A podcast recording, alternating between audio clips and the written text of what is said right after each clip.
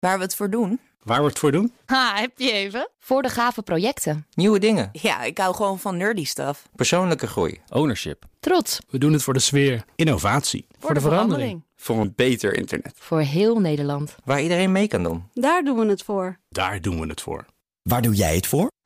Kom werken voor KPN en groei op jouw manier. Check de actuele vacatures op het gebied van data, security, development en networking op jobs.kpn.com/tech. De Nationale Autoshow wordt mede mogelijk gemaakt door Leaseplan. Leaseplan. What's next? Blijf scherp. BNR Nieuwsradio. De Nationale Autoshow. Meindert Schut en Wouter Carson. Je staat er eh, vast niet eh, bij stil en dat is ook niet altijd handig bij een verkeersbord. Maar eh, Bij een stopbord wel. Ja, dan moet het Ja. zelfs. Ja, moet hè? Dat doen heel veel mensen niet hoor, volgens mij. Nee, ik laat hem ook wel eens een beetje doorrollen. rollen? Gewoon lekker doorrollen. Kun je sneller weg. is goed voor het milieu, maar het mag niet. Nee. nee. Eh, maar goed, eh, verkeersborden zijn dus wel heel erg belangrijk. Belangrijker dan ooit. In toenemende mate helpen ze ook systemen in auto's. Ach man, nou. hè. Dus dan gaat die auto gewoon stoppen of je dan wil of En niet. precies, bam, stop. Ja, over dat en meer spreek ik straks met verkeersbordenmaker. Dat is een leuk scrabblewoord dit. Eh, HR Groep, het familiebedrijf, bestaat precies 50 jaar. Nou, wat leuker om dat jubileum te vieren dan bij ons. Ja. Of rijden met een Mercedes AMG GT Black Series van tuner Absolute Motors. Wouter eh, die mocht ermee de weg op. Ja, daar sta je ook alleen maar bij stil bij het wegrijden. Ja, precies. Daarna komt u leuk uit de startblokken. Ja? Ja. Ja, een beetje rook uit de wielen. Nee, ik heb het, eh, Je hebt het netjes gehouden, Ja, staan geen strepen op het asfalt. Nee, jongen, jongen, Nee. jongen. Nee. Nou goed, zoals eh, vorige week aangekondigd is eh, Niels de Guiter bij ons te gast. Hij is Executive Director bij Lotus Cars Europe. Welkom, leuk dat je er bent. Ehm, jij leidt de Europese organisatie. Ja. Is er nog een andere organisatie? Er zijn, eh, er zijn, nog, andere organisa er zijn nog andere organisaties. Eh, we hebben in, eh, in Engeland natuurlijk ons eh, Engels hoofdkantoor, Lotus Cars Limited. Ja. Daarnaast hebben we nog een, eh, een, eh, een groot hoofdkantoor in China. eh, wat eh, Lotus Tech heet. Daarnaast hebben we nog een Lotus Tech Creative Center in eh, de Midlands. Waar alle auto's worden ontwikkeld en eh, ontworpen. En we hebben zelfs nog een technisch hoofdkwartier in Duitsland. Dus er zijn meerdere hoofdkantoren. Ja. Ja. Oh, in Midlands, dus dan zitten in ieder geval goede ruitenwissers op. Uh, daar Super Super goed. Ja, en het, eh, alles wordt getest op, eh, op, eh, op lekkages. Ja. Geen probleem. Ja. Hoe, hoe lang doe je dit al? Precies een jaar. Precies een jaar. 1 Kijk. april vorig jaar begonnen. Ja, Ja. kijk, geen grap. Nee. Ehm, want ja, maar toen was er eigenlijk nog helemaal niks bekend dat dit allemaal zou komen. Dus dat, Nee. dat is dan, dan kan je eigenlijk aan je vrienden niet vertellen wat je precies gaat doen. Dat Nee, dat, klopt. Ik was op het begin ook. eh, was, was, was ik soort van geheim. Ja. Eh, er waren. Ja, eh, secret agent. Dat was een Ja. secret agent. Nee, maar op het begin was ik in mijn eentje. En eh, we hebben dus eh, vanaf scratch helemaal opgebouwd, het Europese hoofdkantoor. Ja. Eh, omdat eh, we hadden natuurlijk het Engelse hoofdkantoor en het Chinese. Maar we, we- we- de- onderdeel van de strategie is focus op eh, de markten waar we het moeten gaan doen. En waar we het gaan doen. Ja. En een van de markten is Europa. Eh, en dan moet je ook de focus hebben in Europa. En eh, aangezien Engeland niet meer in Europa ligt, eh, is Nou, er dus besloten om in Europa een hoofdkantoor op te bouwen voor marketing, sales en aftersales. Oké, dus dat is wel echt losgekoppeld van de Klopt. Engelse, Britse. Helemaal markt. los. Ergens gek, ergens logisch. Maar goed, dat is, dat is een hele andere discussie. Je hebt bij verschillende automerken al gezeten. hè? Ja. Eh, Skoda, BMW, Mitsubishi. Ik probeer een soort eh, Ja. patroon te ontdekken. Maar Alfa Romeo ook nog. Alfa Romeo, oké. Ja, ja, ja. ja. Eh, Waarom ben je in dit eh, avontuur gestapt? Nou, eigenlijk is dat een heel makkelijk antwoord. Dit is een, dit is een jongensdroom. Als je mijn... Een elektrische SUV bouwen? Onder andere, dat is een jongensdroom naar de toekomst toe. Ja, ja. Nee, als je aan de 12-jarige Niels zou vragen van wat wil je laten worden, dan had ik dit omschreven. Dat er, er is niets mooiers dan voor een iconisch merk als, als Lotus eh, een nieuwe organisatie op te bouwen en het merk echt klaar te maken voor de volgende stap in de levenscyclus. Ja. En dat is wat we nu aan het doen zijn met met een fantastisch team.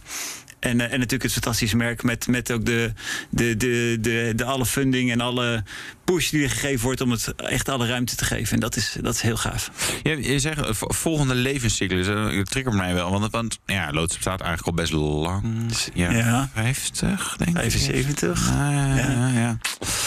Wat is die dan die volgende stap? Nou, kijk, Lotus is uh, in 1948 opgericht door Colin Chapman. Ja. En uh, het is een iconisch eh, merk. Ja. En het is uh, altijd be bekend van, omdat ze fantastische sportauto's maken. Ja. En dat hebben ze altijd gedaan. En Lotus heeft altijd overleefd in alle moeilijke tijden waar ze doorheen zijn gegaan. Want dat is natuurlijk ook geen geheim dat het merk best wat, wat uitdagingen heeft gehad.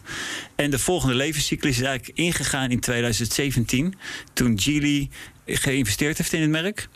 En met die investering zijn er dus heel veel uh, budget gestoken in de producten, de processen, de mensen. En die producten, daar zien we dus nu het gevolg van. Met de Ivaya en de Emira, de eerste twee sportauto's die gelanceerd ja. zijn. Sportautomerk heeft een, fun een, fundament van sportauto's nodig. En dan de nieuwe lifestyle auto's die er nu aankomen. Ja. Waarvan de Electra de eerste is. Ja. Ja, en toch Ja. zit daar een soort, soort leuke disconnect ergens. Hè? Van, van sportauto's en de funding. En, dan zit er een hele grote zware SUV bovenop. Dus wat moet ergens geld verdiend worden. Ja, is dit dat eigenlijk? Is Gewoon puur geld verdienen. Nou, je hebt geld nodig om te kunnen leven. Ja. Ja, Ja, en dat we, is, eh, we- kijk, heel simpel. Jullie zijn business nieuws radio. Dus je weet heel goed dat je om een business te doen, moet je Ja. geld verdienen. Ja. En eh, ook een, een, een merk moet natuurlijk gewoon eh, geld verdienen voor de toekomst. Ja. En daarnaast, als je teruggaat in het merk in de, en je kijkt naar wat voor auto's er ontwikkeld zijn en wat de filosofie ook was van Colin Chapman, was. Tuurlijk, we gaan bouwen sportauto's. Dat is wat ons hart harder sneller laten kloppen. En dat is ook waar het merk om draait. Maar er, er werd altijd gekeken, wat doet de markt? En waar, waar kan je in groeien? En waar kan je nieuwe auto's voor ontwikkelen? En de markt zit nu in de SUV's. Als je alle statistieken volgt, overal ter wereld is SUV nu de nummer één. Ja. En eh, om Lotus dus ook klaar te maken voor de toekomst, moet je dus eigenlijk in die SUV-markt zijn. Ja. Om de aantallen te kunnen draaien. En, ook, eh, en als je nu naar de Electra kijkt, dat is een echte Lotus. Want het is een sportauto, maar dan in de vorm van een SUV. Hij heeft alle prestaties en ook in de, het design, als je daar naar kijkt. De aerodynamica. Ja, maar je, je noemde net eh, Colin Chapman, hè, natuurlijk de oprichter van Lotus. Die had wel een paar zaken die hij altijd voor elkaar had. En dat Ja. was sportauto, lichtgewicht, liefst middenmotor. Ja, Ja, daar zijn we toch? Dat is de Electra ook. echt waar. Ja, kijk, als je, eh, als je naar het design van de Electra kijkt. Lichtgewicht, met Lichtgewicht. accu's. Ja. Je moet, je moet het altijd in perspectief plaatsen. Dus als je de auto vergelijkt met andere auto's in dit segment, Mhm. die nog niet eens ele- elektrisch zijn. En dus bijvoorbeeld nog niet eens een bak- batterijpakket van ettelijke 100 kilo's aan boord hebben, zijn we nog steeds een van de, een van de lichtste. Dus als je dan bijvoorbeeld de concurrentie een 5, 6, 700 kilo batterij op de achterbank legt, dan winnen we by far. Je moet het altijd in perspectief plaatsen met wat er op dat moment in de markt gebeurt. En de Electra is inderdaad, qua- gewicht, is het een, een hoog gewicht. Ja, dat, dat is heel simpel. Ja, wat, wat, wat weegt hij? Rond de 2000 kilo. 2000 kilo. Ja. Ja. Ja, en, eh, en dat is, ja, het is, het, is, het is een hoop. Maar als je het Volgens mij vergelijkt de met een- BMW i4 weegt ook ongeveer zoiets. Ja. Ja, Ja. Nou, ja, ja, sterker nog, als je gewoon een, eh, een beetje dikke 5-serie of A6 met Ja, dan er dan, zit- dan, Ja, ja, dan zit je er ook bijna. Ja. Ja, en als je ook kijkt naar, het, naar het, eh, alle aspecten van de auto, bijvoorbeeld het, de, noem maar eens wat, de bekleding. Ja. Er is er duidelijk voor gekozen om voor een heel licht materiaal te gaan. Ja. Als je gaat kijken hoe de auto ontworpen is, de, een van de briljante quotes van Colin Chapman was: The lightest thing is a hole. Dus het lichtst wat er is, is, is een gat. Ja. Ja, Nou ja, als je is. kijkt naar de auto, er zit heel veel openingen in. Van het, van het interieur tot het exterieur. Waardoor je dus ook nog die, die, die, die, die gaat ontwikkelt. Het lichtgewicht design. Ja. Nou, Ja. Dus het is, ja, dat is in één lijn doorgetrokken. Is het ook een gat in de portemonnee of eh, valt dat nog wel mee? Het ligt eraan hoe groot je portemonnee is. Ja. Ja, eh, grote Nee, ja, legers die. Hè? Nee, kijk, het is, eh, eh, de, de auto is. We zijn natuurlijk een premium product. En eh, als, je, als je de auto ziet, hij is 5 meter lang. Hij gaat in, eh, in minder dan drie seconden naar de 100. Eh, we beginnen bij 600 pk. Dus het is, het is echt een premium sportproduct. En een gat in de portemonnee, ik denk dat die heel competitief geprijsd gaat worden. Ja. En dat is zo rond de 100.000 pond begint hij. Wat doet de pond tegenwoordig? Dan eh ja, zo googelen. Wat is, eh, ja, geen idee. Ja. Dat rekenen we zo. eh, Maar mij dat gaat zoeken. Nee, ga, ga, Eh, ga uit van zo'n 120.000 euro Ja. vanaf in, in Duitsland dan. Ja, Ja. ja. Ah, in Nederland eh, hebben we geen BPM om deze. Nee. Precies.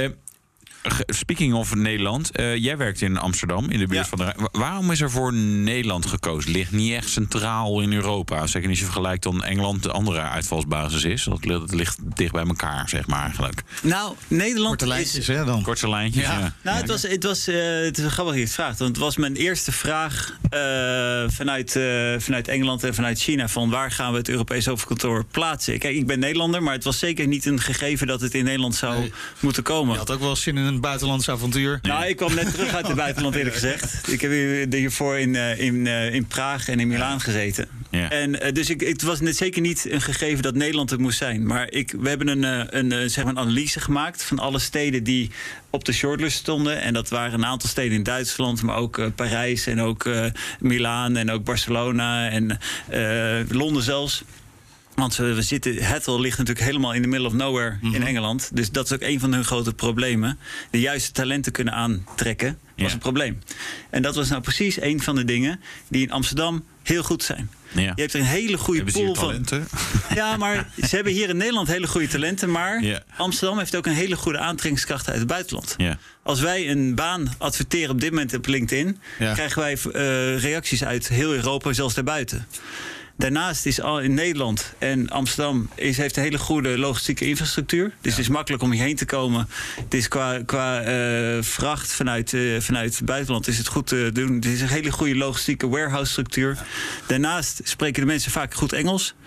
En ehm, is het financiële klimaat hier ook goed? Nou, dat wou ik nou zeggen. Want Ja. je, je doet allemaal andere dingen. Waar ik denk dat uiteindelijk gewoon boven ons stond eh, het fiscale eh, Nou, klimaat. fiscale waarom stabiliteit. Stellantis bijvoorbeeld Ja. het hoofdkantoor officieel in Nederland heeft zitten. Nou, de, vooral, dat was eh, ook belangrijk. Maar Ja. als je het over fiscaliteit hebt, de, vooral de fiscale stabiliteit van Nederland was heel belangrijk.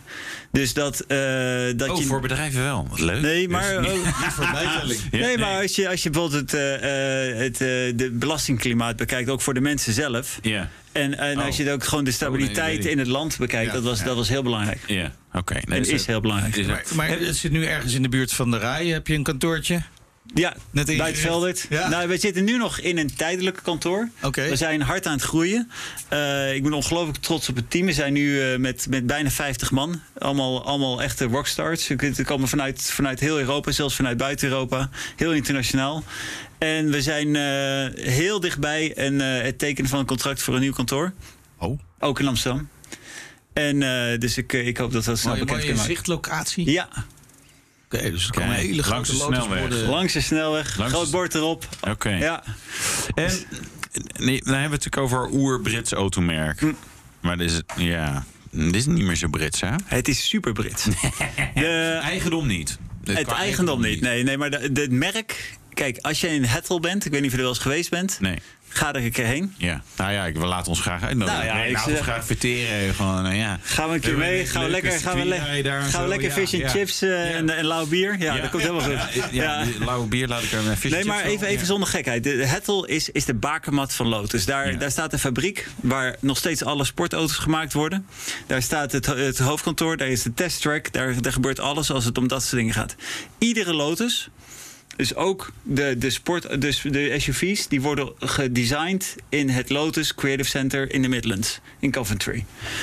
Alle, alle auto's. Daar, daar zit een fantastisch eh, designteam onder de eh, bezielende leiding van Peter Holbury en Ben Payne. Nou, Peter Holbury is bekend van alle Volvo's van de laatste tijd heeft hij ontwikkeld. De linkercode, Polestars, alles komt van zijn, eh, van zijn, van zijn hand. Ben heeft bijvoorbeeld de Bugatti Veyron ontwikkeld. Dus die jongens kunnen echt wel wat. Dus alle auto's worden daar getekend en ontwikkeld. Dan is de engineering gebeurd in Engeland, Duitsland, Zweden en in eh, China. Ja, in En- Wuhan, hè? in Wuhan. Wuhan. Die, Ja. stad die voorheen niemand kende, maar nu wel. Maar goed, dat is een heel ander onderwerp. Ja, en, en daar worden dus ook de lifestyle auto's, zoals we die noemen. Ja. Dus de SUV's eh, worden, worden geproduceerd in China. Ja. Ja, klopt. Dus het is, de sportauto's worden allemaal geproduceerd in Engeland en de eh, lifestyle in, in China. Ja.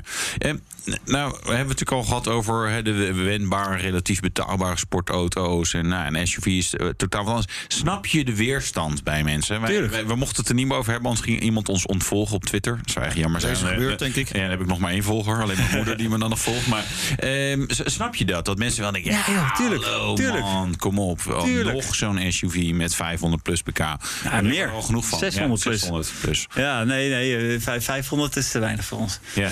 Nee, uh, nee, uiteraard, dat snap ik. En dat is ook alleen maar goed. Want die, als je een beetje frictie hebt, dan, dan gaan dingen uh, shinen. Hè? Zo ja. werkt het. En als je ook gaat kijken naar, laten we, als je een beetje in de industrie om je heen kijkt.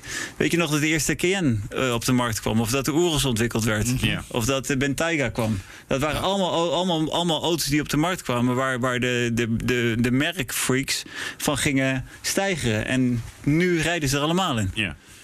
Want niet iedereen kan altijd maar in een twee-zitter sportauto rijden. Nee. Uh, nou ja, er zijn nog steeds uh, puriteinen die nog steeds van walgen natuurlijk. Ja, uh, maar daar hebben we ook een perfecte auto ja, voor. Ja, en die kunnen, we, die kunnen we blijven ontwikkelen ja. door...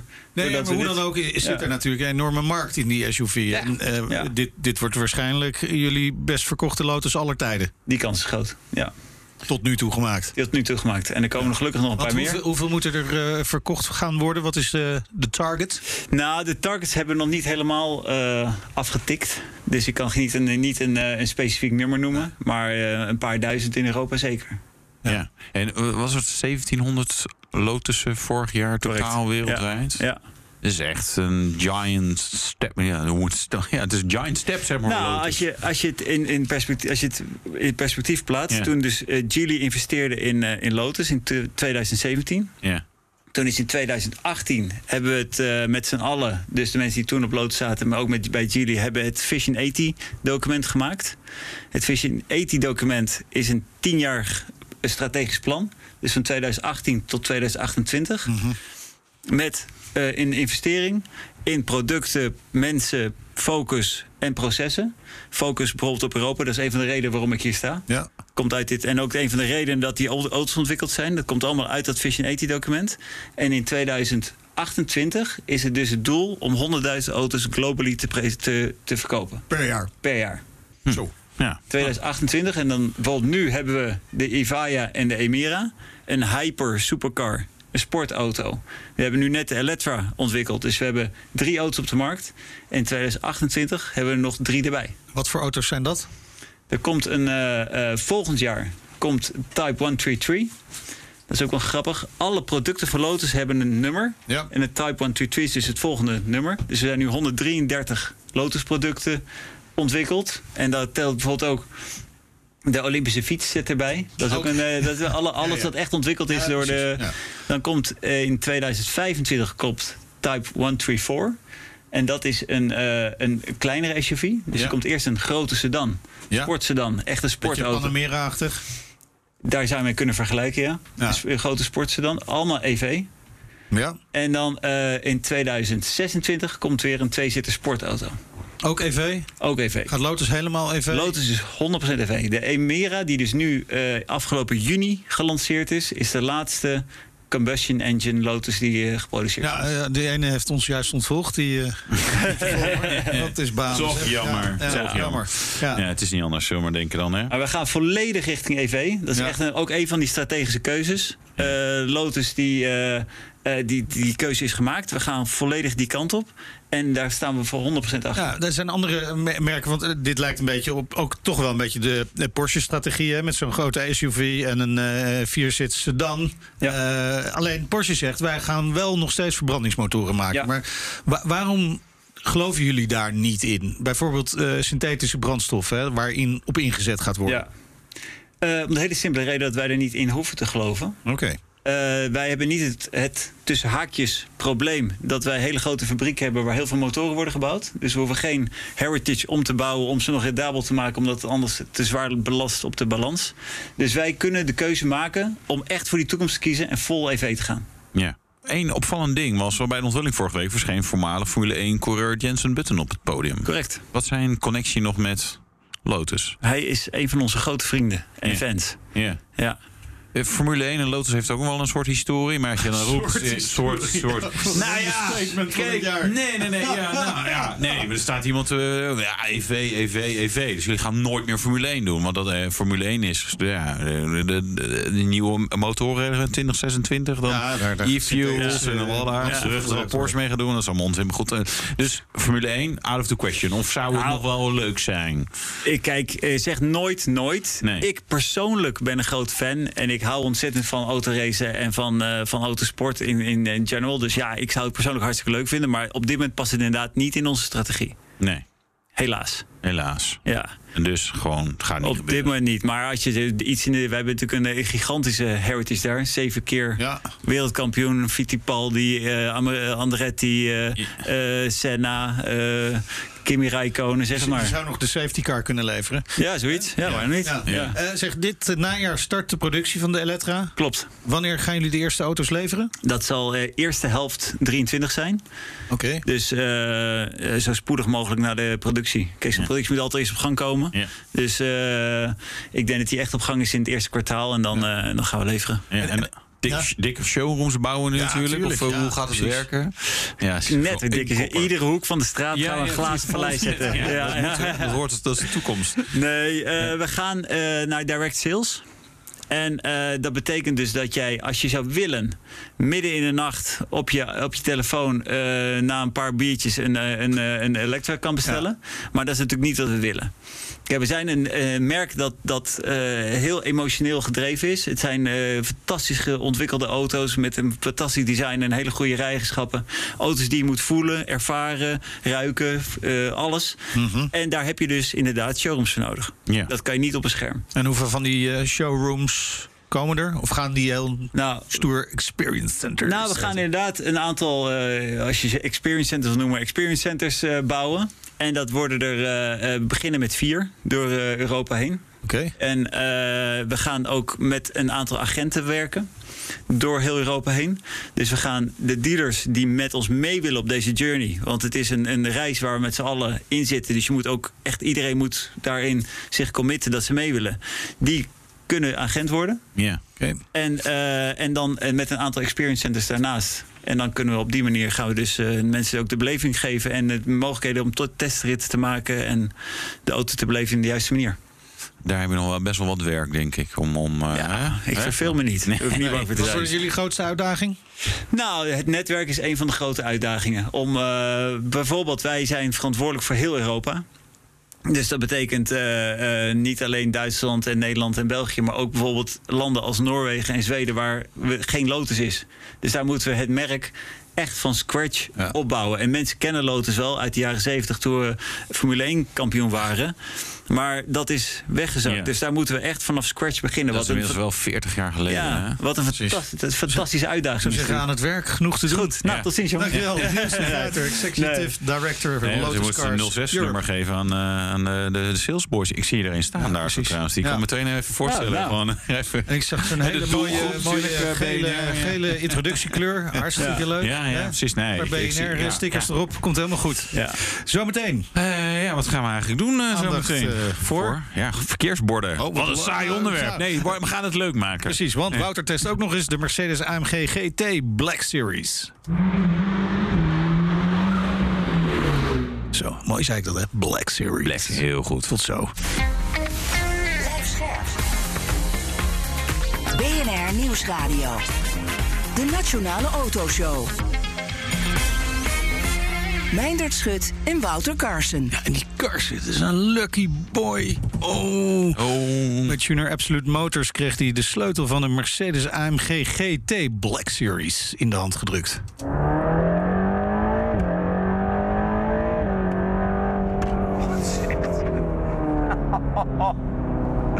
Het is echt heel snel. Dit hoor ik je niet zo heel vaak meer doen. nee. Zo, eh, Oh, giechelen. Giechelen. Giechelen. Een klein meisje. Ja, precies, ja. ja. En het leuke was eigenlijk, ik had die dag ook nog de McLaren 765 Oh, LT. ja, Eigenlijk is die nog iets sneller. Maar daar moet ik nog iets mee opnemen. Dus die moet ik nog een keer even inpikken. Goed, straks meer in de Rijnpressie Maar over. eerst gaan wij het hebben over verkeersborden. Want dat is natuurlijk zo'n ontzettend geil onderwerp. We dachten, nou, dat kunnen we wel combineren. Nee, ja, toch leuker dan, eh, dan we denken. Verkeersbordenmakergroep eh, HR-groep staat precies 50 jaar. Het belang van goede verkeersborden langs de wegen is juist in deze tijd groter dan ooit. En dat is best raar. Dat is zeker best raar. Ja. Maar gelukkig hebben we hier eh, Jacques Gordijn. Hij is directeur van de HR-groep. Welkom. Dankjewel, Meindert. 50 jaar gefeliciteerd. Geweldig, dank je. Ja, de Ik heb HR-groep het ook dan, vol, ja. ja. maar ik heb het ook vol meegemaakt. Ja? Al die 50 jaar? Mijn vader is begonnen in 1972. Ik ben geboren in 1970.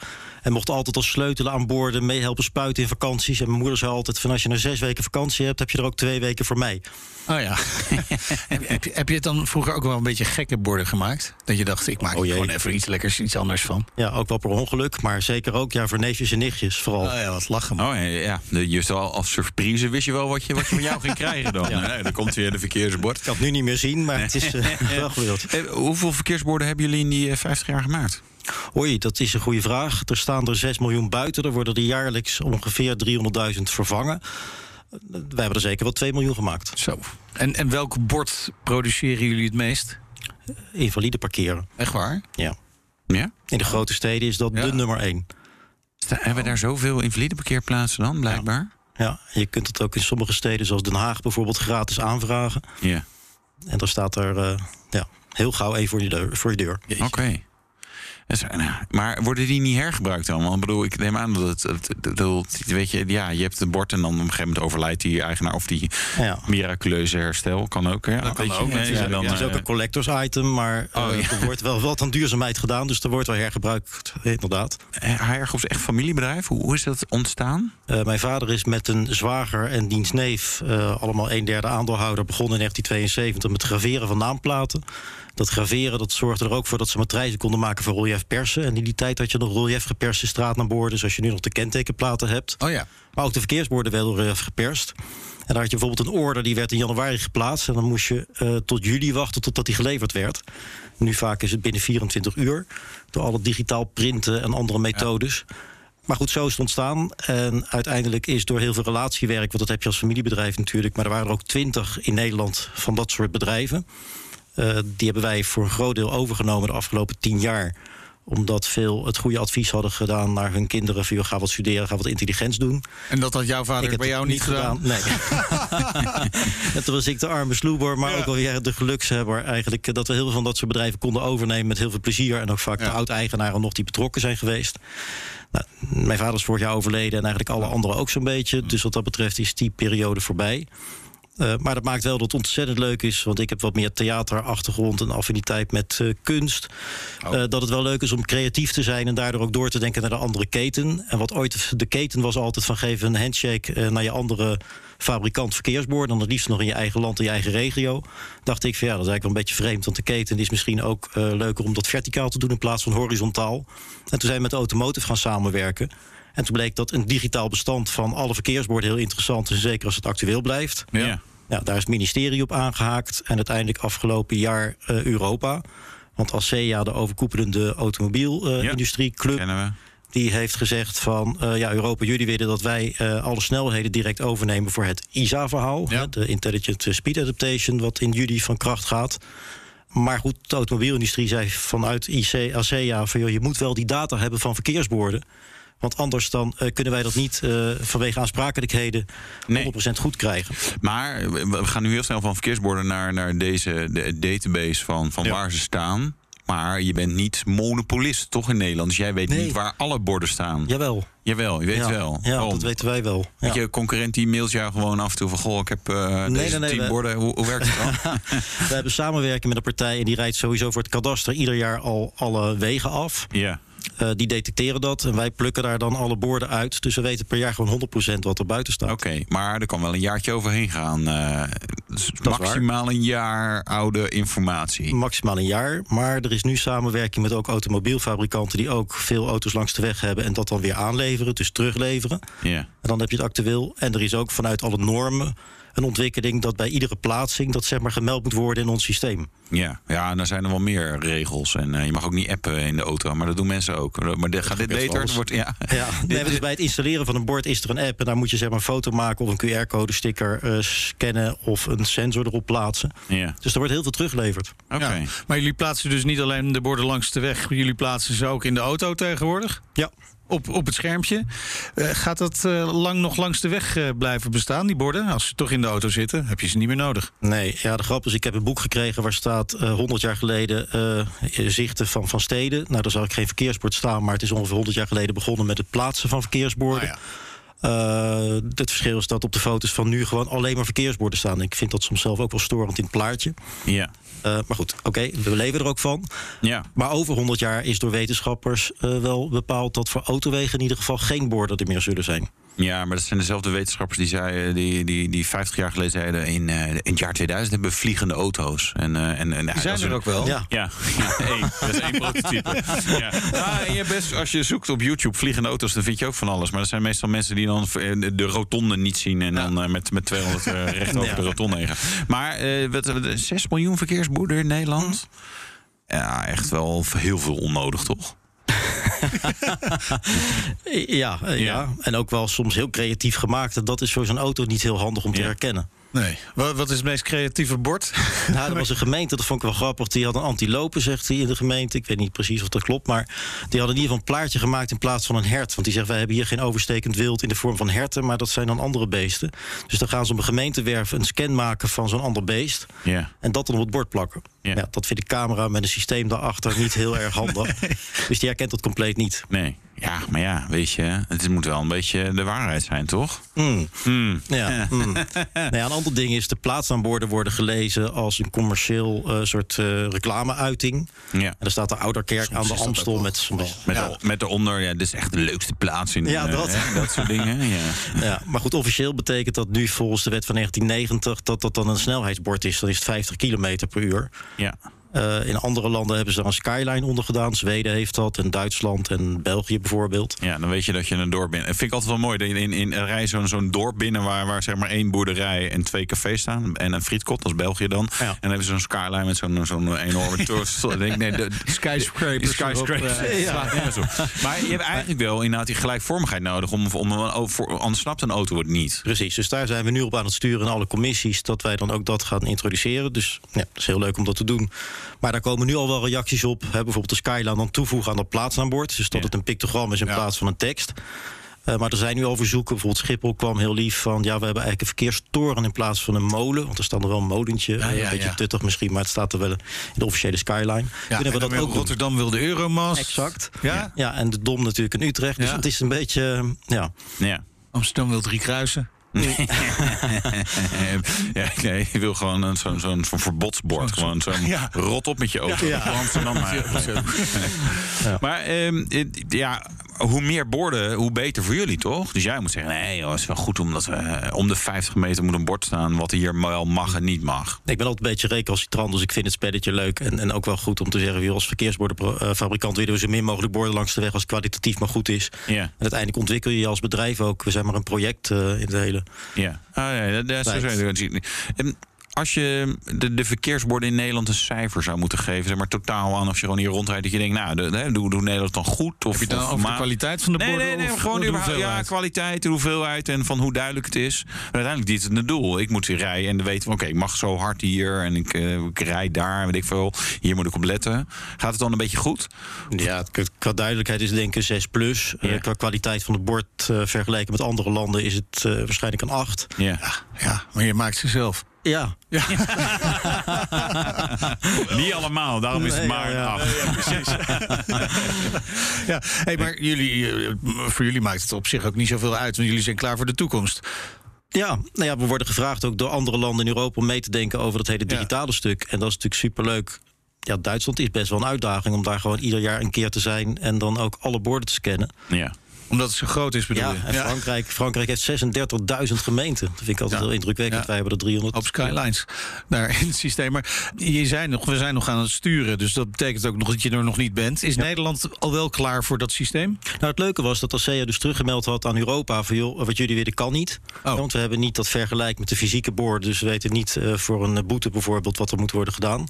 En toen zei Europa van ja, maar wacht even, in Nederland is dat al wel gebeurd. Dus jullie zeggen met de rest van de landen zijn te laat. Ja. Dat was natuurlijk, de Nederlandse eh, overheid was eh, gigantisch trots. Maar goed, we Hebben ze ook ooit- een keer iets om trots op te zijn? Ja, dus die staan er leuk voor ze. Die zijn ook heel positief. Ja. En ja, daar gebeurt dus wel wat. Maar dat, dat, het gaat nog zeker tien jaar duren voordat het helemaal compleet is. Maar, maar het wordt toch in deze zomer geïntroduceerd? Ja. ja, hoe, Oh. hoe zal dat gaan, denk je? Nou, jij rijdt ook wel eens in auto's met verkeersbordherkenning. Nou ja, ja zeker. Ik, ik verwacht ook deze zomer dat weer te hebben, bijvoorbeeld. Hè, in Kroatië. Ja, Hm. wat? Nou, ik ben heel benieuwd. Ja. Ik, reed, ik reed in Italië in een auto van de zomer. En dat was hartstikke grappig, want die is op de snelweg. Het was ook ingesteld op Ja. boordensnelheden. Dan ziet hij een bord van 100, er staat een bord bij de afrit van 40. En de ene keer dan hikte die van ja, ik moet nu 40 gaan rijden. En de andere keer ging hij gewoon Ja, ja, vol ja, ja, 100 ja. door. Ja. Dus ik denk dat in Nederland zeker nog allerlei borden langs de snelweg moeten komen. Ook bij de afritten met de snelheid. Dus er komen meer borden. Meer borden, goed voor jou. Meer borden. Ja. Nou, je Maar ziet ook wel eens dat ze niet een beetje in de war zijn met eh, wat is nou de snelheid op een parallelweg of op de weg waar je rijdt. Hè, dat die dat een beetje in de Nou, war ik, is. ik heb het zelf als bestuurder ook al wel eens dat je denkt... hé, hey, wacht even, er stond daar een bord voor wie... eh, en je denkt, oh nee, wacht, hij staat dan niet links. Dus Ah, hij ja. zal, dit zal voor de parallel of voor de afrit zijn. Het, het, het- maar het wordt allemaal wel ook. complex. Ja. En, en we hebben eigenlijk natuurlijk, voor- vooral in Nederland, gewoon veel te veel regels. Van we mogen, mogen 130, behalve overdag niet, dan doen we 100. Behalve, En 130 is eigenlijk op sommige plekken ook niet. Doen we ook 100 of 120 of Ja, 80 hey, of we gaan 90. even naar fysieke borden. Want hij heeft ook fysieke borden meegenomen. Ja, heeft hij een bord mee? Ja, hij heeft- ja, ik zag twee- helemaal niks twee. van metaal namelijk. Nou, één dartbolt en één. eh Ja. Even kijken. je mag harder dan 50 hier. Ja, Wat, wat hebben nee, jullie? borden zijn normaal gesproken van... Ja, kijk uit, want er zitten ook spijkers in. En ik heb er een hap uit gehad tot die ene. Eh, want je kan het namelijk opeten. De borden waren... eh, Serieus, kan dit opeten? Ja, nee, serieus. Ja, je gaat er niet dood van. Normaal zijn borden van metaal. Ja, meestal aluminium toch? Aluminium, ja, en andere landen ook nog wel staal. Nou, dat Ja. is in deze tijd, en zeker die palen, Oh, is is altijd een iemand heeft een ja, hapje er eruit het hapje eruit genomen. maar deze borden zijn gemaakt van hennep. Dat moet dan heten niet commerciële hennep. Nee, wordt in. Groningen het is wordt niet dat, als je eh, hem eh, lekker in de fik steekt... dat je dan eh, een hele gezellige dag hebt langs nee, de dat- snelweg. Dat, is dan met dit niet. Nee. Oké. En Groningen groeide Van het. die verf word je waarschijnlijk wel high, eenmalig. Absoluut, ja. Van, fik nee, maar er, er zit dus een biohars eh, van Ja. planten gemaakt in. Ja. Dus dit is het eerste product dat 100% natuurlijk is. En Ook die, eh, dat reflecteert dit? nee, dat niet. Dat niet. Oké, nee, het bord- het, het bord ja. de drager. Ja, we zijn altijd een beetje hypocriet en dat soort dingen. Maar echt Ja. de drager, daar gaat het om. En de paal dan uiteindelijk ook. Zometeen waar het bord op staat. En dus de eh Ja. moeren in, die zijn natuurlijk ook van zijn ook metaal. van metaal. Ja. Zo is het nog wel allemaal wel. Ja. Maar het is, uiteindelijk is het een product wat eh, ja, de duurzaamheid eh, enorm moet gaan bevorderen. Dit is de toekomst? Of, of is dit... eh, Dit is ik- toekomst. En zeker nu de, stij- de prijzen stijgen van de grondstoffen. Aluminium is ontzettend duur eh, in vergelijking met wat het was. Ja. En Duitsland is hierop aangehaakt op de Intertraffic, waar jullie volgens mij ook nog waren laatst. ja. En die hebben met 14 fabrikanten, en dat is op zich wel uniek, eh, unaniem gezegd van dit wordt het alternatief van aluminium. We gaan alle testen doen de komende ma- maanden en dan daartoe Ja. over naast het aluminium. Oké. Maar het feit dat je er een hap uit kan nemen... dat Nee, nee, mij... het- nee, Het is het eerste product wat we hadden en ik had het op mijn kamer staan. Ik ben hierheen gesneld, dus ik heb er eentje meegenomen die in de proeffase nog maar zat. ja, en kan het, is, wordt het zo duurzaam als aluminium of staal? Uiteindelijk. Zeg maar zo, zo kwalitatief duurzaam bedoel De- deze ligt volgens de MKI-score, want dat is dan die meting hoe je de duurzaamheid uitdrukt, ook in geld ligt eh, rond de nul. Ja. Ja, aluminium en staal ligt eh, vele malen hoger. Dus de milieubelasting is hoog. Maar Ik kan me herinneren dat jullie ook wel eens met borden van eh, bamboe zijn gekomen. Wat, wat is daarmee gebeurd? Nou, nog steeds worden verkocht. Ik zag ze net ook nog toen ik hierheen reed in de stad staan. Je herkent dat natuurlijk allemaal. Ja, er zit van dat mos op en zo, heel natuurlijk. groeit vindt dat, wat op. De een vindt Ja. dat leuk, de ander vindt dat minder leuk. Stadstuintjes op, Ja. op zo'n verkeersbord. Hartstikke mooi. Ja, geweldig. en daar zie je echt de verdeeldheid ook. eh, Dat, dat, nou de een vindt het grappig en de ander vindt het helemaal niks. Dus dat, dat is een product, maar ik denk dat deze dat wel gaat vervangen. Oké. Maar wat het voordeel is...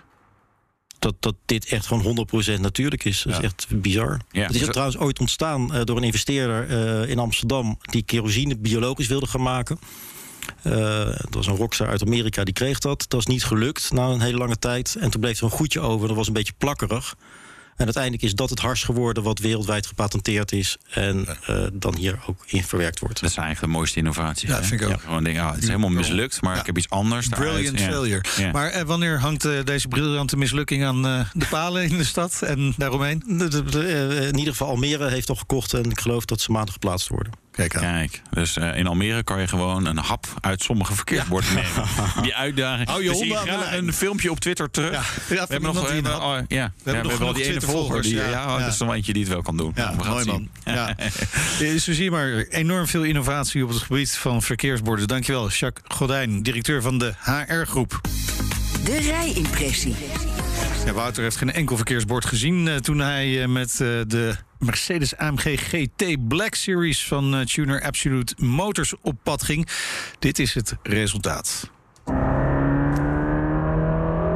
Ah. Als het goed is, valt je meteen op. Het geluid is anders. Nog niet verteld over de verf, maar dit is een flat plane krukas. Eigenlijk is hij dan, als je er tegen de dwarsdoorsnede aankijkt, is hij helemaal plat. Dat betekent een andere ontstekingsvolgorde van de V8. En uh, meer toeren kan hij dan draaien. In principe is, de, in principe is de, de krukas dan ook lichter. is eigenlijk allemaal beter. Maar hij klinkt niet zoals de AMG V8 klonk. Zeg maar echt dat ruige hameren, dat heeft hij niet. Dit, is, dit lijkt misschien, als je goed luistert, een beetje meer Ferrari 488 F8 Tributo. En dat klopt ook wel, want die hebben ook, ook een flat plane krukas, dacht ik. Uh, in ieder geval klinkt ook zo. Maakt ook allemaal. Gaat toch niet om die technische details. Nee, uh, ja, weet je, ik kan er vandaag kort mee rijden met de Black Series. Het is wel een apart apparaat. Hij heeft toch een soort de mix van dat ja, niet het comfort van Mercedes, maar het, maar, het is gewoon een hele praktische auto met goede stoelen, goede navi, allemaal logisch qua bediening, behalve de versnellingspook, die zit echt zeg een beetje te ver achter je. Maar verder is het gewoon echt een heel, heel ruig apparaat. En ik wou dat ik meer tijd had vandaag om gewoon echt even zeg maar, helemaal uit te wringen. Maar dat gaat dan even niet, zo'n tijdgebrek waarschijnlijk mag het nog wel ook van de gasten van Absolute Motors. Maar weet je, het is wel echt lekker. Als even terugschakelen en een beetje gaatje laten vallen. Misschien even een beetje op het gas nog. Beetje.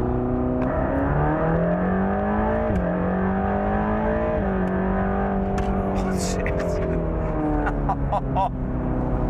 Het is echt heel snel.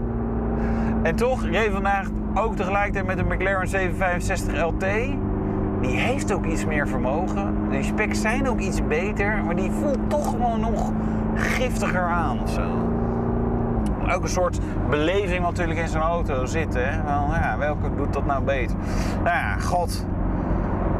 Kort stukjes over Mercedes AMG GT Air Black Series. Of die Air er eigenlijk niet dat weet ik niet. Maar in ieder geval de Black Series van de AMG GT, dan weten jullie uh, genoeg. Um, Absolute Motors gaat er nog iets bijzonders mee doen. Dus ik zou zeggen, word vervolgd. Blijf ons volgen op YouTube en Absolute Motors natuurlijk ook. Dan komt er nog, ja, het kan nog ruiger. Dat komt eraan. Dus believe me, trust me, het wordt nog gaver. Oh, wat een heftig. Alleen al op de plaatjes. Ja. Niet normaal. Ja, dit is uh, niet ieders smaaks, denk nee. ik. Maar wel, ja. Wel heel leuk om mee te rijden, denk ik. Ja. Ja. Ja, bijzonder, uh, bijzonder, bijzonder apparaat. Ik hartstikke uitverkocht volgens mij inmiddels weer. Uh, dus ik een beetje het lot van dit soort auto's. Hè? Dus of, of het is enorm succesvol en dan is het meteen uitverkocht. Of iedereen denkt, nou nee, laat maar. Nee, maar... Oh. Wat heeft de Absolute Motors eigenlijk aangepast aan het ding? Ja, ik weet het niet eens meer. nee, ze hebben nog wel wat wilde plannen mee. Nee, kijk, ja, zij doen natuurlijk de, de, de, de optische ver, verfraaiing en zo. En, uh, uh, maar ze hadden, ze hadden nog wat wilde plannen, maar dat mocht ik nog niet vertellen. nee, maar. maar. als je het wil zien, dan uh, kan het wel natuurlijk. Ja, maar dan, dan ja. sturen we de mensen door naar... Nee, nee, ja, een videootje op autoblog.nl hebben ja. hey, het wordt, wordt, wordt nog steeds ruiger. Ze, hebben, ze willen een soort pakket ontwikkelen. Dus ze zijn nog niet helemaal klaar mee. Dus dat is wel, wel leuk. Ze doen wel leuke dingen. Ja, ze doen hele leuke dingen. Ja. ja. En, en die McLaren? C65 LT. Ja.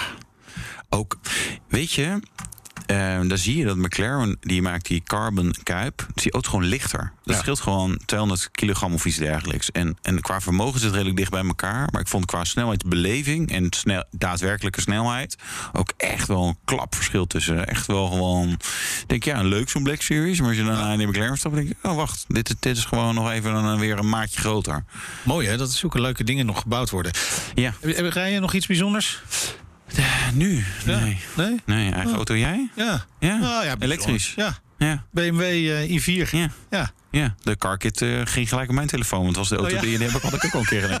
Een hele fijne auto, ja. Ja, ja ze wilde via ik wel afsluiten met elektrisch. Hè. We beginnen met elektrisch en we sluiten af met elektrisch. Niet dat we Ja, eh, knap, worden... gemaakte, knap gemaakte auto. eh.